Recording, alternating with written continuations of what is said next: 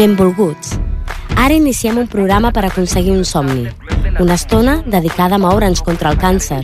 En ella us explicarem què és, us informarem sobre la seva prevenció, us ajudarem a recolzar els malalts i us mostrarem la feina que fem els voluntaris de l'Associació Espanyola contra el Càncer al nostre poble.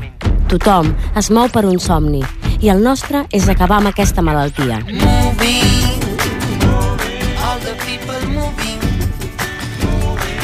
Bona tarda a tothom i benvinguts al tercer programa de la tercera temporada de Movem-nos contra el càncer. En el programa d'avui us explicarem totes les activitats que tenim previstes per aquests propers mesos, a més de detallar-vos els detalls del primer dinar solidari que estem preparant. A més, tindrem a la Inoa Marín, psicòloga de la ACC, que ens explicarà quins són els serveis de l'associació que pot oferir el malalt i els seus familiars. I com sempre, us informarem de les darreres novetats en el terreny de la investigació oncològica, notícies que ens ajuden a seguir endavant. Benvinguts, Núria. Benvinguda, Núria. Jordi, comencem. Murmullos se unen, forman grito. Juntos somos evolución. Moving.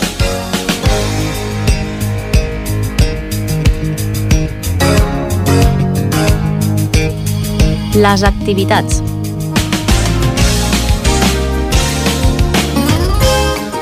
Bé, com a, a començar el programa hem, hem indicat, eh, l'activitat, la, diríem, més diríem, més diferent i que més, diríem, ens hem de centrar en aquest mes de febrer-mar. Recordem que el dia 4 de febrer és el, el dia de la lluita internacional contra el càncer. Aquest cop eh, canviarem una miqueta. Ben bé, fa dos anys vam fer el que és un espectacle de teatre-dansa, l'any passat vam fer un cant coral, i aquest any hem canviat totalment de, de registres. Oi, Núries? Sí, hem canviat una miqueta. Vam, vam proposar de fer alguna diferent i ens va sortir la idea de fer un dinar benèfic i el farem al restaurant Enovin d'aquí de Ripollet. Eh, col·laborarà amb nosaltres amb el tíquet, el preu del menú seran uns 25 euros i ells col·laboraran doncs, amb un tant per cent de, del menú. Encara estem per concretar el que farem de menú, hem d'anar a parlar un dia d'aquesta setmana amb ells i acabar de concretar el tema.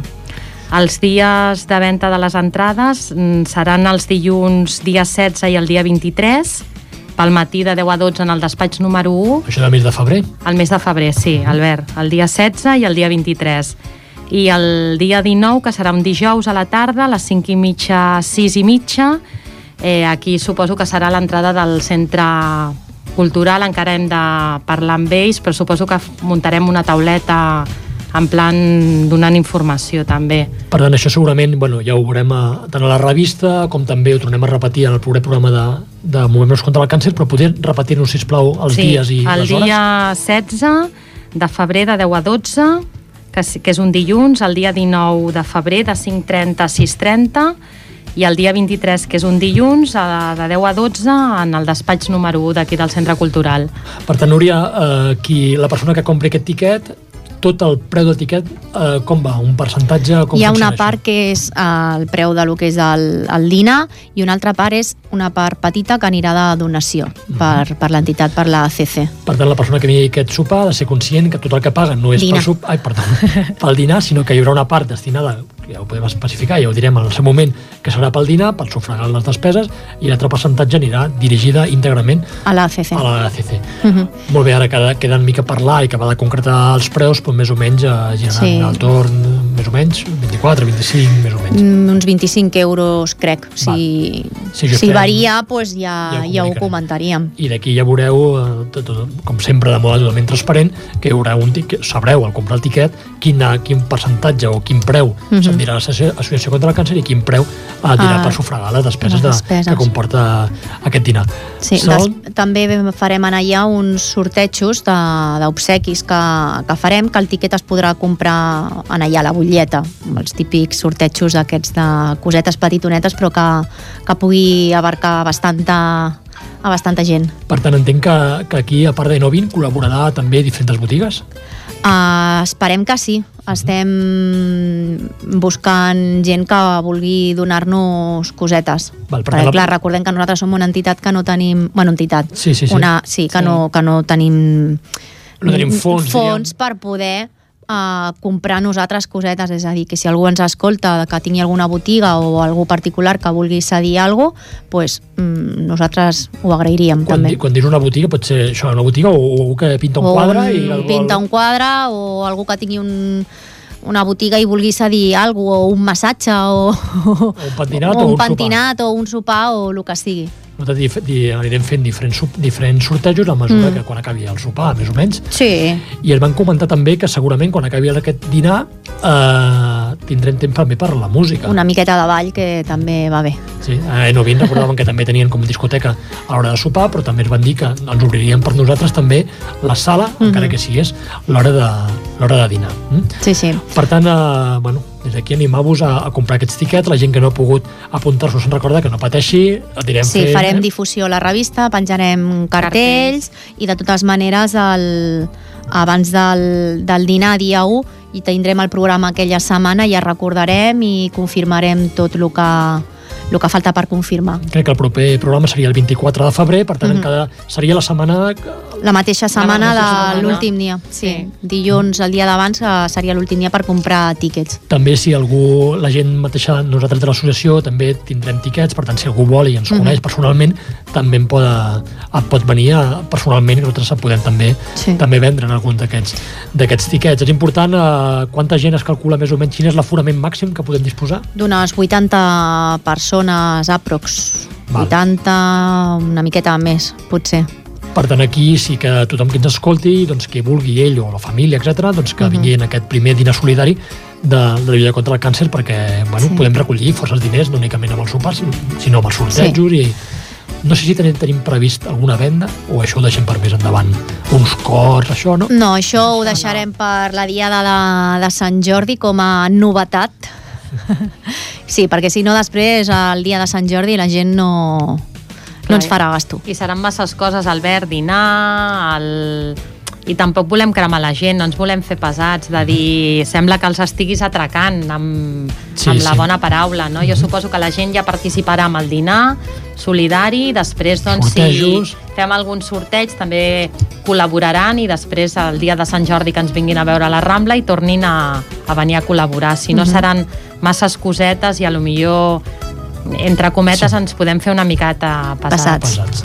Sí, sí, doncs això és una mica el que volíem comentar-vos del primer dinar solidari del dia 1 de març aquí a la sala, la sala N20 que bueno, queda simplement eh, bueno, jo crec que a hores d'ara ja podem confirmar la data era el dia 1 de març, 1 de març. confirmem això i ja simplement ens queda confirmar el preu del tiquet que ja ho hem dit que girarà entorn 24 a 25, 25 euros, euros. aproximadament Sí. i el percentatge doncs 7-8 euros més o menys direct- directament cap Per a, a la CC. cap a, cap a l'associació També dir que poden venir nens, eh? que Això no hi ha sí, és cap veritat. problema perquè vinguin nens. Tindrà un preu especial, sí, Els nens tindran un altre tipus de, de preu, evidentment, Sí. perquè els nens no mengen el mateix que un adult, no?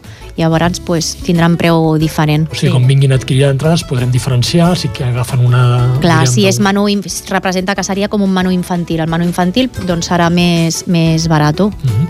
També intentarem, estem en, eh, aquí amb eh, les autoritats, alguna presidenta de la Junta locals, etc que pugui també vindran, eh? amb la Margarita, segurament en aquest acte, vindrà gent també de Barcelona, creiem que poden venir i també... Perfecte. Bueno, jo només dir-los que, que s'animin, que és el primer Sí. Dinar fem. benèfic que fem i que, sisplau, que tinguem èxit, I perquè com- ho fem per una bona causa. I com sempre disposem en aquesta una mica de, de, de temor, ho omplirem o no omplirem. Bueno, jo crec que, com que és el primer, no podem assegurar, però... Però bueno, no, jo crec que- no podem fer-ho? Aviam si Sí. tenim sort i seria una mica difícil, no?, estar amb dos menjadors separats, perquè, clar, no queda, no Ja. queda bé, però est estaríem supercontents de que el segon dia ja no tinguéssim tíquets. Aviam Mhm. si, si tenim sort i, I, i, podem evidentment, vendre. I evidentment està obert a totes les edats, vull dir que Això no cal Ah. que siguin gent de, uh, adulta, que, adulta, vull dir que poden venir gent jove, grups d'amics que diguin, pues mira, anem a col·laborar i anem a passar una bona estona i mm, jo crec que, que estaria bé. Com sempre, si algú té algun dubte o vol preguntar-nos alguna qüestió sobre el dinar i qualsevol coseta, recordeu que el telèfon és el 93 594 2164 repeteixo, 93 594 2164 i es poden trucar i parlaríem en directe i podríem comentar qualsevol aclariment del dia aquest del dia 1 de març o fins i tot podeu preguntar qualsevol cosa que estiguem a les nostres mans i podríem contestar-vos. Doncs res més, jo crec que més endavant al programa presentarem l'agenda i altres activitats, però l'activitat estrella i l'activitat que estem preparant actualment, recordeu, dia 1 de març a N20, dinar per la CC. Gràcies.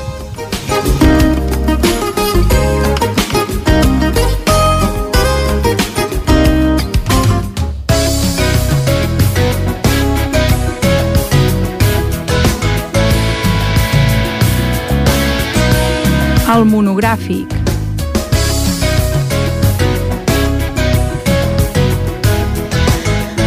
La radioteràpia contra el càncer de mama precoç està canviant. L'objectiu és reduir el nombre de sessions a canvi d'augmentar la intensitat de la irradiació en cada una d'elles. Aquesta tècnica anomenada hipofraccionament ja s'ha aplicat un 30% de les pacients i està treballant per augmentar aquest percentatge. Aquesta nova tècnica ha nascut a partir d'un estudi britànic de l'any 2008 i un d'altre estudi canadenc de l'any 2010 que volien donar resposta a aquesta pregunta. És igual d'eficaç i de segur irridir el teixit tumoral durant menys temps per, però amb dosis més altes?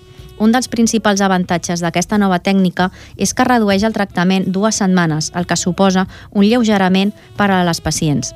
A més, els metges poden utilitzar les sessions que queden lliures per atendre a altres malaltes, augmentant així el nombre de pacients ateses. I un altre avantatge és que les pacients s'eviten uns quants desplaçaments diaris fins a les sessions. Recordem que un dels estudis s'ha realitzat a Canadà, un país amb enormes distàncies i on els centres de tractament poden estar a centenars de quilòmetres de les malaltes. Els estudis van concloure que el tractament resulta igual de satisfactori. A partir de llavors, la tècnica s'ha estès per a diferents hospitals. A l'Hospital del Mar de Barcelona, totes les pacients que s'ajunten als criteris reben tractaments intensius de radioteràpia, però no és així a tots els centres, ja que alguns es resisteixen a abandonar la teràpia clàssica.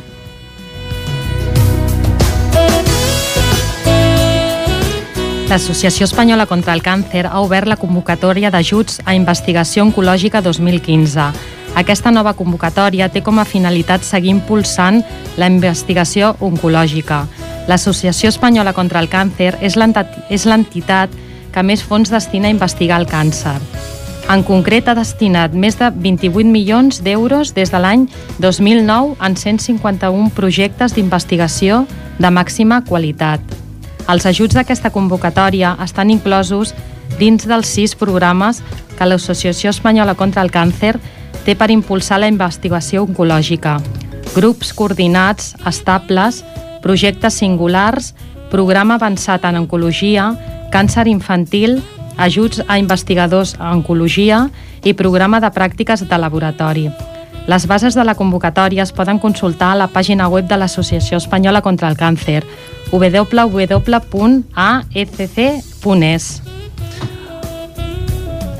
Ara, amb aquestes dues notícies, eh, com sempre la primera parlava de radioteràpia. Recordeu que radioteràpia és una de les tres, diríem, eh, elements de curació, juntament amb la cirurgia i amb la, i amb la quimioteràpia. Per tant, mireu aquest avenç amb radioteràpia eh, que evitarà a les persones a anar cada dia. Recordeu, la radioteràpia és una tècnica que obliga la pacient a anar-hi dia rere dia, dia rere dia. Per tant, es tendeix a fer una menor, major quantitat de radiació, però en menor dia. Per tant, és una bona notícia que eh, farà que el malalt no s'hagi de desplaçar contínuament cap a l'hospital. Mm? Per tant, això crec que és una bona notícia.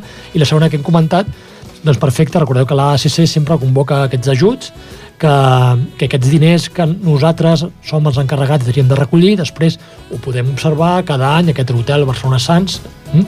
on eh, els professionals de la medicina encarregats i que han guanyat aquestes beques, doncs observem com els hi donen i els hi entreguen i els hi fan entrega d'una manera ben clara i, i, i ben patent. Eh? Per tant, això eh, també ens encoratja a seguir amb aquesta afany, a seguir amb aquesta, amb aquesta lluita, diríem, de, per aconseguir diners perquè la investigació és l'únic camí per aconseguir la curació. Per tant, com sempre diem a, a la gent, la gent que col·labora i s'anima a, a fer donatius a la nostra ACC, que som una ACC que passem auditories de qualitat, passem auditories constants.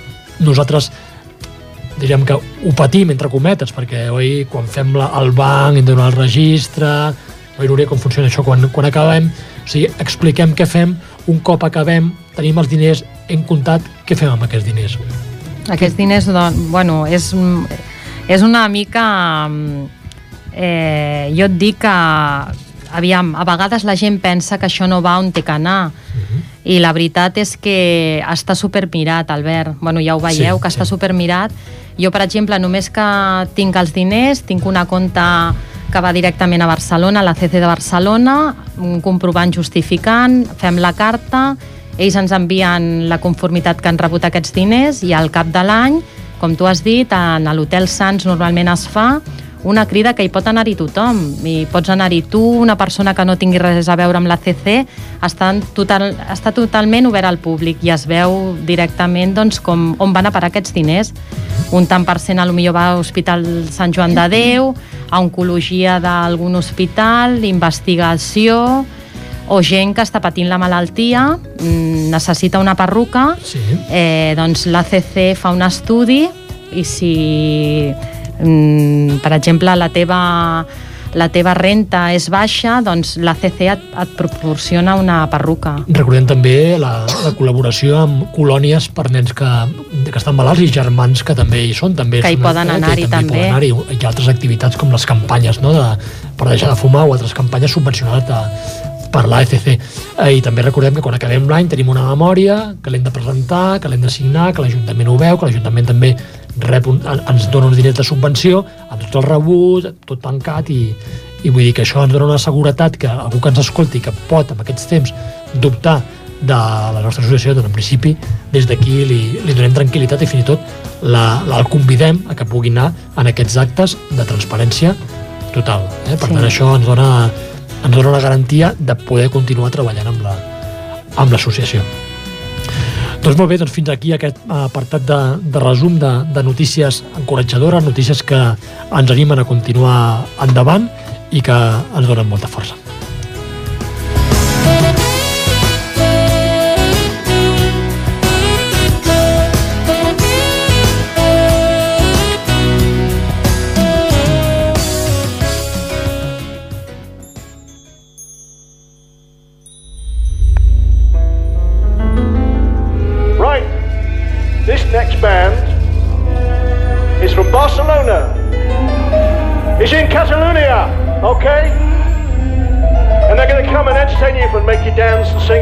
So please, big, a big, big welcome to Charango! Assaltarem la ciutat de les tristos. Respirarem el fum del poble i l'aire dels senyors.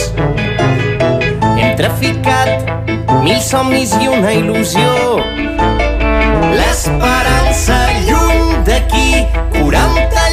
s'han repartit al món. Assaltarem la ciutat de les tristos. Respirarem el fum del poble i l'aire dels senyors. Hem traficat mil somnis i una il·lusió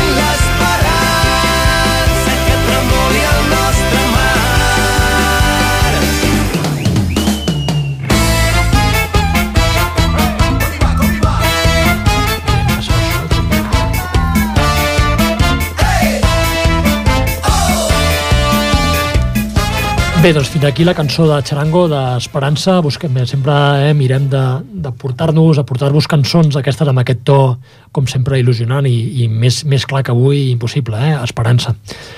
Molt bé, doncs avui tenim eh, el plaer de poder entrevistar a la Inoa Marín, que és psiconcòloga de la, de la SC, de la Catalunya contra el Càncer, que voluntàriament s'ha ofert a poder explicar-nos una miqueta què és aquest servei que Catalunya contra el Càncer disposa i que molta, considerem importantíssim, però que potser molts dels nostres oients encara desconeixen i no saben ben bé quina és la feina o què és el que l'associació eh, pot ofertar a la persona, ella o els familiars, que ho considerin oportú. Eh, bona tarda, Ainhoa. Hola, bona tarda. Bona tarda. Doncs molt bé, en primer lloc, agrair-te la teva, teva presència i voler, voler ser entrevistada i, i molt agraïts que estiguin aquí entre, entre nosaltres. A vosaltres, és un plaer. Bé, en primer lloc, eh, es podries explicar una miqueta en què consisteix? Perquè molta gent ho sap, eh, sap que, uh -huh. que és un psiconcòleg, sap que Catalunya contra el Càncer disposa d'algun d'ells, però exactament en què consisteix la teva o la vostra feina? Eh, bueno, mira, t'explicaré. Eh, la, la Junta de Barcelona, de l'Associació Espanyola contra el Càncer, compta amb un equip de cinc psicòlegs i un treballador social que donem suport psicosocial a qualsevol malalt oncològic que tingui una necessitat emocional específica o, o necessitat social.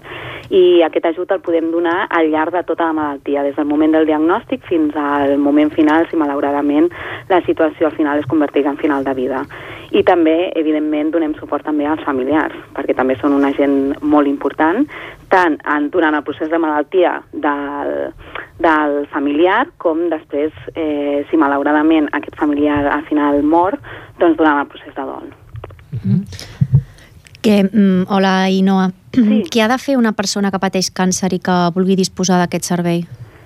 Què ha de fer? Doncs és molt senzill. Simplement ha de trucar a la nostra seu de Barcelona, al, no sé si puc facilitar el sí, telèfon. Sí, sí, sí. Sí, al 93 200 20 99 i allà li prendran les dades bàsiques i, i bueno, li explicarem una mica amb què el podem ajudar. I de seguida el trucaran, li donaran hora i el podrem atendre. Aquí l'únic problema que des de, des de Ripollet detectem que alguna vegada alguna, alguna família he trucat i diu, clar, eh, em fan anar aquí a, a la seu, a Hospitalet, sí. en principi, i no sé si, clar, nosaltres tenim una lluita una mica aquí també en Cerdanyola i Montcada i tal, per veure si, si es pot acostar una mica aquest servei cap aquí. Crec que també al Taulí o prop del Taulí de Sabadell també disposeu d'un psicooncòloga. Pot ser això? Sí, eh, en aquests moments un cop a la setmana. Mm, eh, tenim un servei a, a Sabadell, mm -hmm. a Sabadell, que en aquests moments està ubicat al centre cívic de Can Uriac. Val? Però que el procediment per, per rebre-us allà o per demanar hora amb aquest servei també sí. seria el mateix, el trucant mateix. a la seu de Barcelona i allà gestem, gestionem l'agenda de Sabadell també. El que sí que és cert per la, per la proximitat i per la gent que m'ho comenta que és una cosa bastant ràpida, és a dir, que si demanes hora no triguen molt temps, oi, a demanar hora, vull dir que no és és... Home, intentem que la demanda sigui atesa el més aviat possible, sí, perquè sí, entenem sí. que és una situació de partiment i com més aviat la puguem alleujar, millor, no? Doncs els temps d'espera és el pitjor de gestionar amb oncologia, de fet. Sí, de fet. Hola, Inoa. Per què creus que és important el paper del psiconcòleg en el transcurs d'una malaltia oncològica? Uh mhm. -huh. Bueno, és, eh, també cal aclarir que no tothom necessitarà el suport de psiconcòleg. Eh? Quan el necessita és perquè hi ha una necessitat eh, psicològica concreta, no? però el que podem fer des de la nostra tasca és fer un acompanyament en tot aquest procés. No? Penseu que quan hi ha el diagnòstic oncològic eh, succeeixen moltes coses. En un primer moment eh, es viu la pèrdua de salut i amb, amb el que tot això et confronta. No? Molts cops les pors de com aniran els tractaments, si al final aquesta lluita tindrà un final feliç o no, i ens confronta, també és veritat que la paraula càncer encara té una connotació molt negativa i en un primer moment la persona connecta directament a la possibilitat de morir i això posa en joc molts valors i, i, i moltes pors, no? A, a la funció del psiconcòleg és acompanyar amb aquest procés. Eh? Molt bé. I la teva rutina diària com és? Uh -huh. Bueno, la meva rutina diària és atendre persones, a persones amb, amb, la, amb, la, amb la malaltia. malaltia oncològica i els seus familiars. Eh? Jo concretament formo part d'aquest equip que us comentava abans i jo concretament atenc a persones al final de la vida i a persones en el moment del diagnòstic, o sigui que estic als dos extrems. Molt bé. Si alguna, segur que ens escolta i, i voldria venir, en principi s'atén a, el malalt per una banda, el familiar per una altra, o pot anar el malalt i el familiar tots dos junts a la consulta? Bueno, estudiem cada cas en concret, eh? De Mhm. fet, eh, hi ha famílies que venen amb una primera visita tots junts, això quan, quan ells truquen i ens expliquen el motiu de demanda Sí. i per quin motiu volen ser atesos amb nosaltres, una mica des de l'equip de psicologia valorem si és millor que vinguin per separat o que vinguin conjuntament, no? Perquè a vegades les necessitats del familiar eh, són molt distants a les necessitats del pacient, Clar, no? clar. I a vegades ens hem d'ajustar cada un dels, dels protagonistes, en aquest cas, no? tant pacient com familiar. A vegades no és del tot adequat fer la intervenció conjunta, a vegades sí, depèn també de la problemàtica que portin. Evidentment, si és una problemàtica, per exemple, que on ha d'intervindre mm, tota la família, perquè és un tema de comunicació emocional o un tema de familiar, sí que es tracta a nivell familiar. Mhm. Però es poden atendre paral·lelament, eh? no hi ha problema. D'acord. Um, com se li explica a un fill que el seu pare o la seva mare està malalt? Uh M'agrada que em facis aquesta pregunta, perquè el més important és aclarir què se li ha d'explicar. Uh -huh. I ja partim d'aquesta base, no? I a partir No. d'aquí, després hem de veure com ho fem. Primer de tot hem de saber també quina edat té el nano, quina edat eh, té el nen, i en general sempre aconsellem informar els nens, perquè tenim el costum, o, bueno, la mala costum, que desafortunadament està desapareixent, no? però que tant els nens com els grans, uns per petits i els altres per grans, per ser gent gran, eh, els deixem una mica al marge de tots aquests processos. I Llavors, deixem... perdona que t'interrompeixi, Sí, sí. Uh, nens petits, mm, jo què sé, entre 4 a 6 anys, que no deixen de ser petits, però clar, ells veuen coses no, a casa, Mhm, vull dir, clar. també és necessari, no?, potser de, de no explicar-li tot, tot, tot, però potser alguna pinzellada d'algú o, o, o transmetre-ho d'alguna manera perquè ells puguin entendre una miqueta, no?, mm, què és Sí, el que sí, passa o, o, o m'equivoco. O, o seria no, no. deixar-los de amagar-li perquè no se n'enteri o... No, no t'equivoques, no t'equivoques. Evidentment se'ls ha d'informar. Quan dic a tots, eh, vull dir a tots. Eh? Mhm. Evidentment, amb un nen de dos anys que no pugui entendre la situació és molt difícil manegar-ho, però a partir dels tres o dels quatre que poden entendre certes coses, Mhm. sí que, que és important que ho puguem explicar. Evidentment ens hem d'ajustar al nano que tenim al davant i a les característiques que té Ahà. aquest nen, però i, i potser no caldrà utilitzar paraules concretes, però sí que hem d'informar que la mare o el pare està malalt, que Mhm. viurà un tractament que li farà patir canvis físics, quin tipus de canvis, totes aquestes coses se'ls hi han de poder explicar perquè penseu que els nens eh, ho veuen, no? Mhm, I, sí. i a més... I perceben, i perceben aquestes coses Clar, també, els estat d'ànim, tot, Clar, no? clar, malauradament són processos eh, molt llargs, Sí. on es succeeixen molts canvis Mhm. i no podem amagar amb un nen que a casa canviaran les dinàmiques, canviarà l'estat físic de la mare o del pare o del Mhm. germà o del qui sigui, no? Mhm. Per sort també a l'equip eh, de la Junta de Barcelona contem amb una psicòloga infantil Uh -huh, que també ens pot ajudar en un moment donat a fer aquesta orientació. clar. Mhm. I la, la paraula de la malaltia, als nens els hi, els hi dieu o no? Per exemple, si el pare està malalt, eh, o la mare, Mhm. els hi, normalment els hi dieu eh, està malalt, però té càncer. La paraula càncer els hi expliqueu amb ells o Dependrà, no? dependrà de l'edat. Sí, de l'edat, del tipus de nen que tenim al davant, però també pensem que avui en dia els nens estan molt informats. Mm. És que un cop ja passem l'edat aquesta potser més crítica, no?, a partir dels 6 anys, Mhm. dels 7, eh, dels 8, això al col·le, mm, fins i tot, bueno, poden conèixer casos de companys que tenen pares, Sí. mares, i per sort també des de, des de les escoles cada cop es fa més feina, eh? Vull dir que això també és important, no? Mhm. Que quan hi ha un, una, una mare o un pare que mor d'un procés d'aquests, normalment des de l'escola també es tracta, i per tant la paraula càncer ja no els hi sona tan estrany, no? Ja la tenen una mica també, eh, bueno, els hi comença a sonar. Sí, però clar, depèn de quina edat, si escolten la paraula Sí, càncer, però hi- no assimilen Amb no realment... no? Clar, el que Mm. vol. No, i perquè tampoc, eh, tampoc els hi podem donar ni tota la informació No, de cop. evidentment. Eh, això, eh, pensa que, penseu que quan, quan informem amb algú d'alguna cosa, ho hem de viure com un procés informatiu. En cap moment pot ser una única, un únic moment informatiu. Aniran passant coses i, per tant, tindrem oportunitat d'anar a parlar amb aquest nano del que va passant. I el que també és molt important amb els nens és que, sobretot, no oblidem que quan els hi expliquem coses, amb ells els hi passen preguntes pel cap, eh, dubtes, poden aparèixer emocions, i tot això és molt important que l'adult ho sàpigui acollir i ho sàpigui acompanyar. El que, que no podem fer és informar amb aquest nen i deixar-lo de la mà Allà. de Déu, no tornar-ne a parlar mai més, no? Mm. Vull dir, perquè a vegades en famílies doncs, que pobres no saben manegar-se amb això, eh, fan aquest primer, bueno, no? Suelto la informació i ja no torno A parlar del tema. com si no passés res. No, malauradament, això és un procés i l'adult ha de ser capacitat també, ha d'estar capacitat per acompanyar durant aquest procés. I el nen, la veritat és que des de l'experiència que tenim, quan, quan el pare ho viu amb certa tranquil·litat, no dir naturalitat, perquè no és un procés natural, no? però amb certa tranquil·litat i li transmeten certa tranquil·litat, el nen també ho viu d'aquesta manera. Clar. O sigui, també dependrà molt de com ho visquin els pares, de com ho viurà el nen. Mhm. Per això és important que si els pares se senten perduts o no saben com fer-ho, que ens truquin.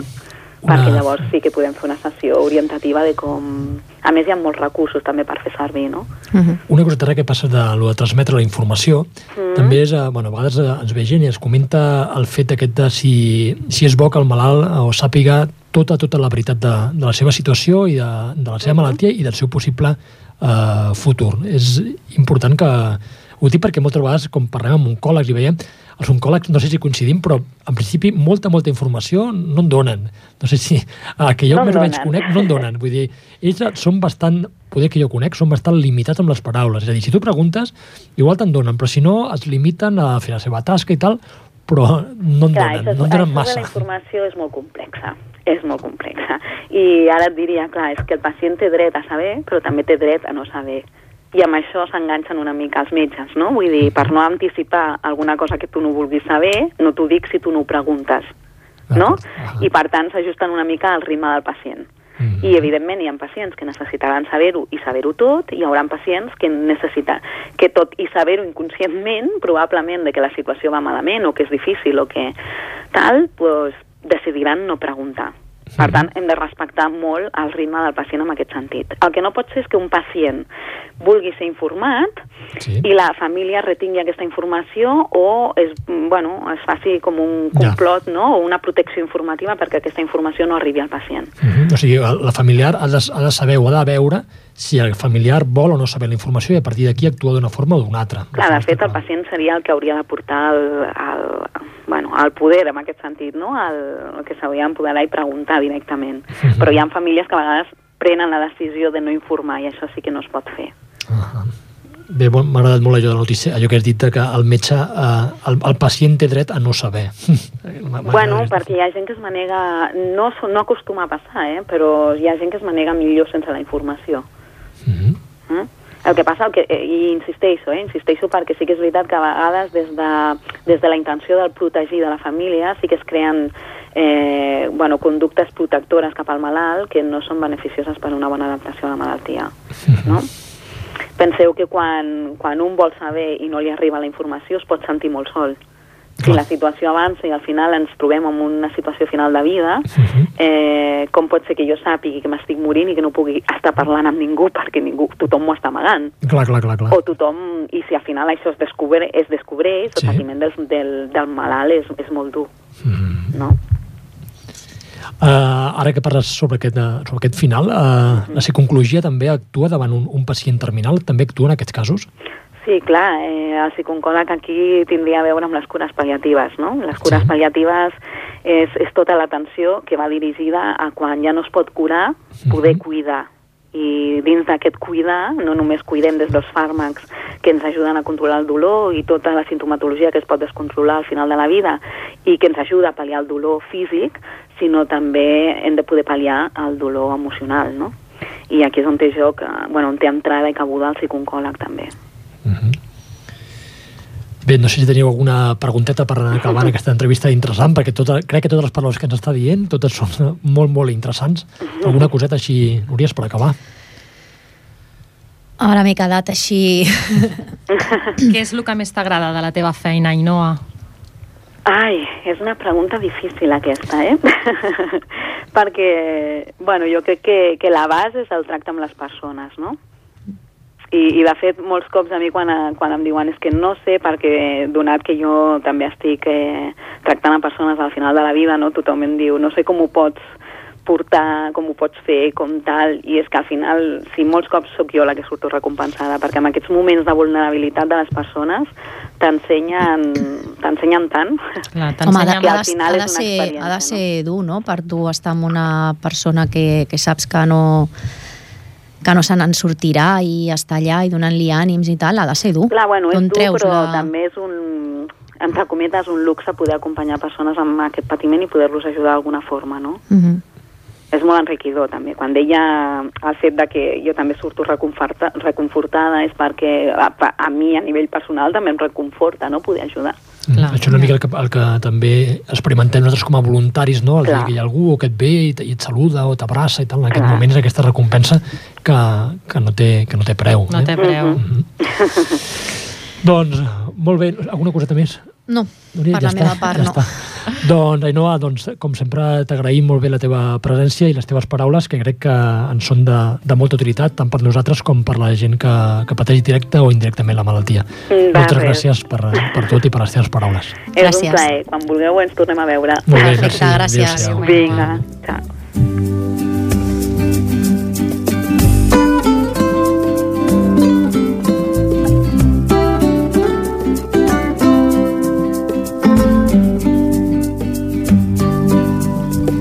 Molt bé, doncs crec que ha sigut una entrevista molt interessant, eh? que, que sí, és un servei més d'aquests que, que disposa l'associació i un servei més d'aquests que diem aquests diners on van? Doncs mira, doncs aquesta persona és professional de la psicologia i, i, i van a parar també, també aquí.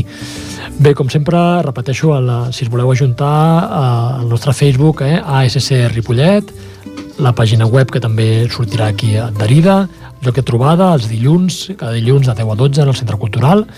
Uh, si, veniu, si podeu, podeu venir a veure'ns també a la ràdio el quart dimarts de, de cada mes o trucar-nos, repeteixo, al 93 594 2164 o si voleu també el, el mòbil 670 32 7883 repeteixo 670 32 7883 i com sempre fem i no ens cansem de fer-ho necessitem voluntaris. I tant.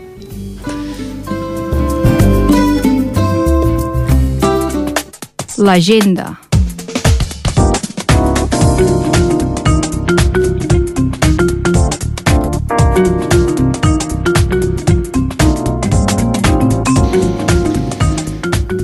Bé, doncs a la, ara fa poc ens ha arribat el que és el calendari d'aquestes dates del, del 2015. Uh, ara us farem una mica 5 cèntims del que farem des de la Junta Local de Ripollet i alhora també el que, el que farà una mica la ACC de Barcelona. Hi ha coses que coincideixen i altres, i altres que, que no ho fan. Eh? Uh, Núria, comences la primera activitat que, que tenim és el mes de febrer. Sí, el mes de febrer, el dia 4 de febrer, és el Dia Mundial contra, contra el Càncer i Exactament aquest dia 4 de febrer El dia- sí. no farem res, bueno, podem, col·locarem publicitat, farem difusió, Sí, sí. però no farem res, sinó que passem al dia 1 de març. el dia 1 de març és el quan farem el dinar aquest solidari i estarà enllaçat doncs, con- amb el- aquest dia 4 de, el dia 4 de febrer, que és el Dia Mundial contra el Càncer. Després, el dia 14 de març, també, Núria, tenim alguna, alguna coseta. El 14 de març em sembla que tenim loteria. 14 de març sí, hi ha el sorteig de Loteria Nacional a favor de l'ACC i suposo que en tindrem, en tindrem a l'abast. Recordem que és aquesta loteria, loteria nacional normal, i que un percentatge elevat va directament cap a l'associació, Directament a no, no, la Junta Local, sinó directament a la CC Central. Sí. Per tant, el dia 14 de març també nosaltres això sí, l'únicament que en tindrem serem els, en tindrem els voluntaris que en vendrem, però qui no pugui contactar amb voluntaris a qualsevol altra administració de Sí. loteria, si ho compra, eh, i el percentatge crec que és un 20%, va dirigit Va a l'associació. Eh? Mhm. Després tenim, també tenim el dia 31 de març, que és la campanya de prevenció de càncer colorectal. Correcte, aquí recordeu que un any també es va fer això, depenem una mica de Barcelona i ells diuen Mhm. que un any es va fer Vam també vendre unes, unes, unes bosses, bosses eh? d'aquestes de la compra de color verd, si no recordo Sí, malament, sí, oi? I ahir fa dos anys també alguna, algun restaurant de la població també tenia aquell dia un dinar solidari que la gent que, que agafava aquell menú, doncs un percentatge anava cap a l'associació. Mhm. Què més tenim? Després, el 16 d'abril, tenim el 45 reunió estatutària Ària, sí. de socis i convenció anual. Perdó, eh? Bé, i després el que més ens afecta a nosaltres, Núria, el 23 d'abril. El 23 d'abril, la dia de la Sant Jordi, que com cada any pues, posarem una paradeta, que realment no sé com cau aquest Clar, any. diem 23 però 23 d'abril, efe- efectivament és Sant Jordi, però És Sant Jordi. hem de mirar el, segurament és el cap de setmana el que més cap de setmana, sí. Que Bueno, ara realment no sé no- com no cau, ho eh? sabem, No, no he caigut en mirar-ho per poder informar. En principi farem com sempre. Passarem aquests cors, la- farem segurament un sorteig, Sí, sí. informació... Informació, tindrem les nostres guardioles perquè puguin col·laborar, vull dir que com cada any. Després passaríem a, a la col·lecta anual, uh. -huh. que aquest any a Barcelona la fa el dia 6 de maig. Mhm. Nosaltres, com sempre, en farem dues. Mhm. Una eh, Serà un dimecres. Un dimecres i l'altra serà dissabte. Dissabte. Com vam fer-ho l'any passat, que van tenir força èxit, ho farem Mhm. un dissabte i un dimecres i sempre són dates del mes de maig. Sí, Poder el 6, poder el 8, el 9, una mica Sí, més sí. endavant, i ja direm què. sí, falta I com- concretar. I aquest dia jo crec que era el dia on eh, el dia més simbòlic i el dia on el percentatge de donatius És- és el més- és el més elevat. alt. Mhm. Per tant, aquest dia sí que... Recordem que també aquest dia hi ha gent que no és voluntari, sinó que col·laborador. Què vol dir col·laborador? És aquella persona que ve a col·laborar només aquell dia. Perquè Mhm. aquell dia fa falta gent. Sí, i, i tenim la sort de que tenim gent que, Sí. Que, que, que col·labora amb amics nostres, els nostres fills que també col·laboren, eh, sempre ja tenim la sort de, de poder... Un any, fa dos anys vam perdre una taula, però aquest any podem, crec que, tornar a recuperar, que hi havia els quatre cantons de Cerdanyola, etc. Jo crec que Mhm. Sí, podríem perquè l'any passat van venir forces nois col·laboradors Sí. i la veritat, pobres, que es van donar un far d'anar i venir, anar i venir, potser seria convenient de tornar, Mhm. a fer, tornar a crear aquella taula. Mhm. Correcte. Després també tenim el dia 31 de maig, Dia Mundial sense tabac, també eh, campanyes informatives i després Mhm. tenim la campanya solar. Solar, al mes de juny. Mhm. Aquí, Que, aquí no hi ha dia, durant, sinó que durant el mes de juny es farà la campanya solar que cada any... Fem això, té algú, algú a veure en piscines, esplais... Sí. Sí, això ho fan a la, al poliesportiu, em sembla Sí. que feien. Algunes i... voluntàries sí. de l'ACC em donen mostres de De- Barcelona, d'alguna crema i després també alguna ampolleta D'aigua.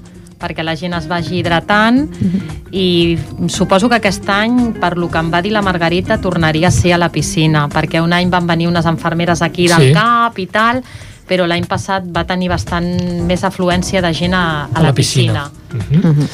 I després tenim el mes de juliol pues, unes colònies que s'organitzen per a germans de nens malalts de, de càncer. Sí, recordem que a vegades és el malalt que pateix, però també aquests germans que tenen aquesta Mhm. pressió de tenir el germà, doncs aquests dies eh, eh, Són voluntaris, voluntaris. van fora i Mhm. una altra cosa, que els diners de l'associació van a per aquí. En aquest Va destinat a això. totalment gratuït aquesta, A que puguin aquesta tenir uns sortida, dies uns també dies, de, diríem, de desconnexió. de desconnexió de l'àmbit familiar de lo que estan patint.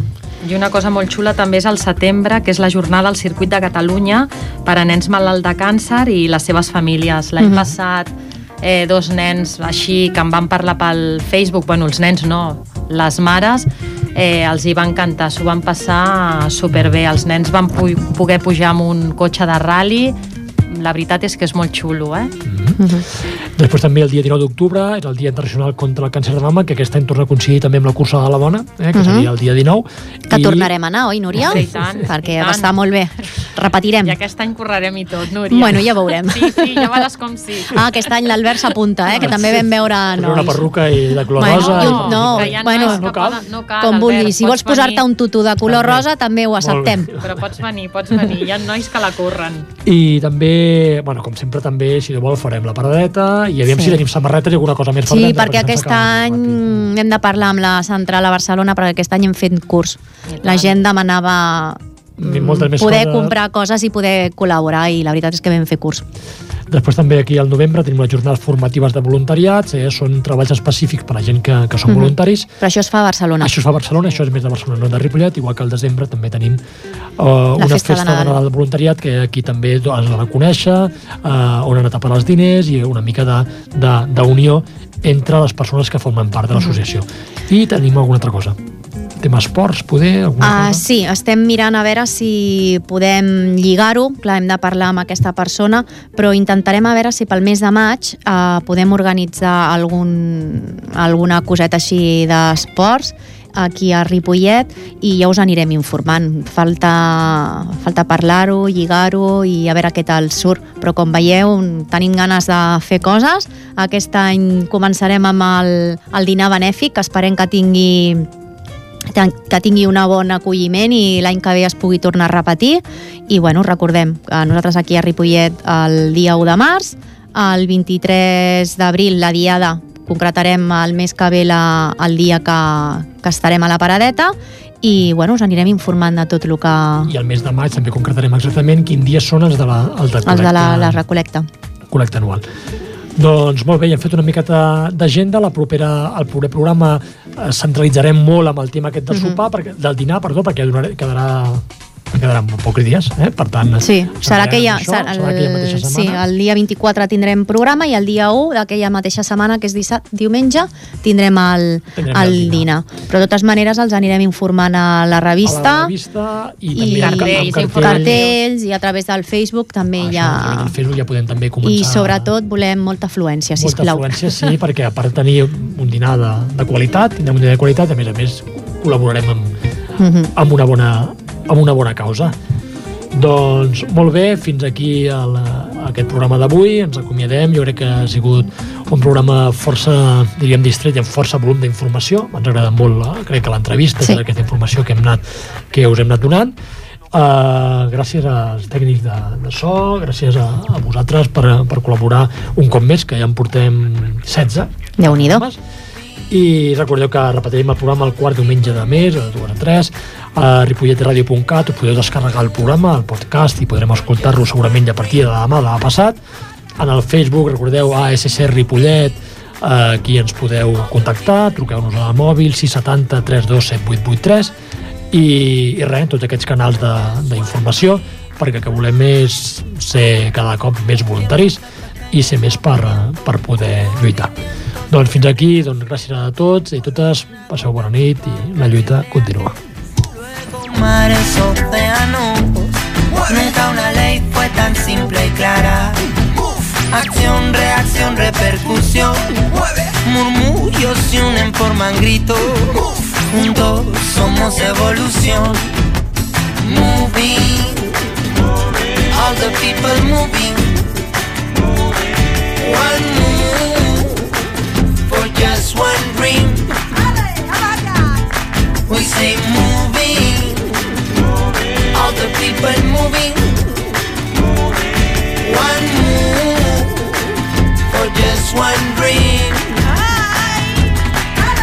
Escucha la llamada de mamá tierra, una de la creación. Su palabra es nuestra palabra, su quejío es nuestra voz. Si en lo pequeño está la fuerza, si hacia lo simple anda la destreza. Volver al ori que no es retroceder, quizás sea andar hacia el saber. Moving, all the people moving. One move for just one dream. We say the people moving. One move for just one dream. One move por mí moviéndose. And the world, baby, come, baby, come, whatever it what you want. One move por mí moviéndose. And the world, baby, come, baby, come, whatever it what you want. This is the life, life, best, best under your feet. This is the life, life, best, best under your feet. This is the moving, all the people moving. One move for just one dream. We say moving,